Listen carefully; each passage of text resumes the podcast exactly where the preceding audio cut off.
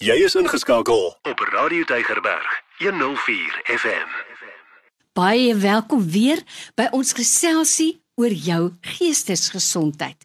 Ons wil jou by 'n punt bring waar jy ook kan sê ek kies lewe. Die ons in my pond, dis 'n Kennedy by my in die ateljee Dr. François Swart en ons praat vandag oor 'n baie belangrike kwessie, maar voordat ons daar begin, wil ek daarom net eers sê vir jou tyd vandag weer. Ons waardeer dit baie dankie. Goeiemiddag Lorraine, hallo al die luisteraars. Dr. François, ons het weer geleentheid om lekker oopkop te gesels oor probleme wat ons in ons alledaagse lewe teekom. Nou lees ons in die Bybel dat God sê ek is 'n jaloerse God. En 'n mens wil vir jouself vra, maar is jaloesie dan 'n karaktereienskap wat ek by God verwag? En wat beteken daardie jaloesie? Want dit kan verseker nie dieselfde jaloesie wees as wat ek het as ek byvoorbeeld iemand sien wat die motorry wat na my kant toe moes gekom het nie of in die huis bly wat ek dink ek verdien nie. Dis sekerlik 'n ander soort jaloesie. So, die vraag vandag is, kan jaloesie ook gesond wees of is dit altyd 'n negatiewe emosie? 'n nou, Pragtige voorbeeld wat jy noem en ons ken almal uh, in Eksodus 20 veral die 53 vertaling die jaloerse God. Ek dink in Afrikaans ons moet altyd onthou Afrikaans is 'n jong taal. Uh, byvoorbeeld as 'n mens liefde vat, liefde uh, ons het net een woord om liefde te beskryf en dis liefde. Maar dis liefde vir jou kat en dis liefde vir jou buurvrou en dis liefde vir koekies en dis liefde en elke keer gebruik ons verskillende liefdes en dan uiteindelik kom jy ook by die liefde by jou vrou uit. En elke keer as jy die konteks bestudeer, dan kom ons agter watter tipe liefde jy bedoel. Hmm. Nou ek dink dis dieselfde beginsel hier as 'n mens werk met jaloesie. As God sê hy is 'n jaloerse God, sê hy en 'n mens moet dit daai hele teks aanhaal. Ek verlang en ek dink dit is hoe dit eintlik nou vertaal is in die 83 vertaling en ook in die 2020 vertaling. As jy 'n volger is van God, vereis hy van jou onverdeelde trou aan hom. Hmm. Jaloesie binne daardie konteks is dat die Here dit nie sal duld dat jy op 'n Saterdag daardie God dien en op 'n Sondag dien jy daardie God. Mm. Jy moet lojaal wees en jy moet respek hê vir Jahwe, die verbondsgod, die God van genade, die drie enige God en jy moet hom eer vir wie en wat hy is. En in daai sin waak hy jaloers daarop dat jy nie sommer net soos die wind kan wees en elke dag kan glo in iets anders wat jou kan deurdra nie. Dan die jaloesie wat ons dikwels kry, uh, ek sien 'n mooi kar en ek wens dan om die ding het ook na my kant toe gekom of ek is jaloers op iemand anderste wat 'n mooi vrou het. Die Bybel praat nogal daaroor dat ons nie 'n begeerte moet hê mm. na goeders nie, ook binne die Eksodus 20 konteks. Die konteks daar is heeltemal anders. Mm. Dit dui op dat jy is eintlik ongelukkig oor wie jy is en wat jy het en jy dink jy het die kortste strootjie getrek.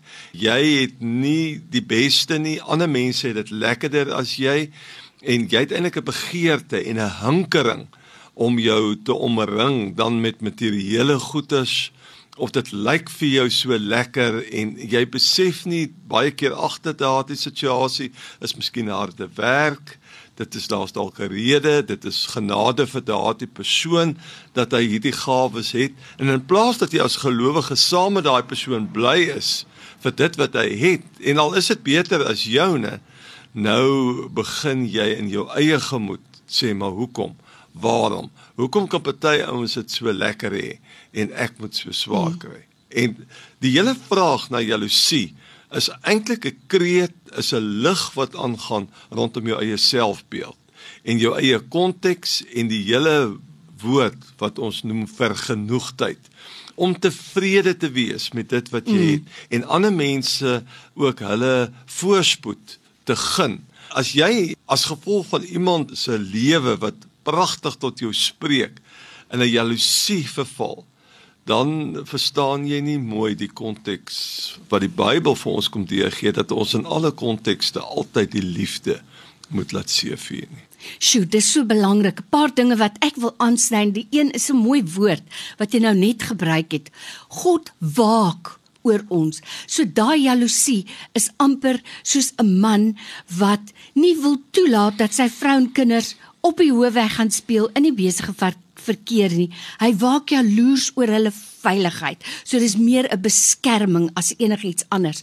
Maar dan kry ons nou ook wat baie jong meisies dalk nie as rooi ligte raak sien nie. 'n Vriend, 'n kerel wat nou begin belangstel en dan baie vinnig baie jaloers en besitlik raak.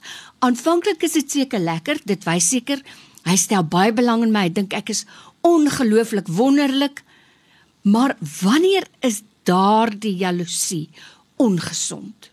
Ja, jaloesie in daai verband kan verskriklik wees want wat jy eintlik doen aan die ander persoon sê ek is baie lief vir jou maar jy bind daai persoon met kettinge vas en beroof daai persoon van sy vryheid en die groot woord daar is integriteit jy vertrou nie jou maat dat wanneer jou maat of hierdie persoon op wie jy verlief raak alleen is wel op 'n eerbare manier sal optree nie jy wil die heeltyd vir haar of vir hom kontroleer en dit spring dan weer terug na jou eie selfbeeld en dat jy eintlik onseker is en jy projekteer dit op daardie persoon Sjoe. en dan maak jy van daardie persoon eintlik 'n gevangene mm. van jou sogenaamde liefde wat eintlik misplaas is wat eintlik destruktief is Dis uh, ek wil regtig sê Lorraine, hierdie ding van jaloesie is 'n groot ding.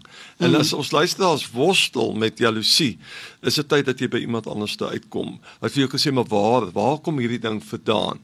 En dit loop baie keer in gesinsverbande.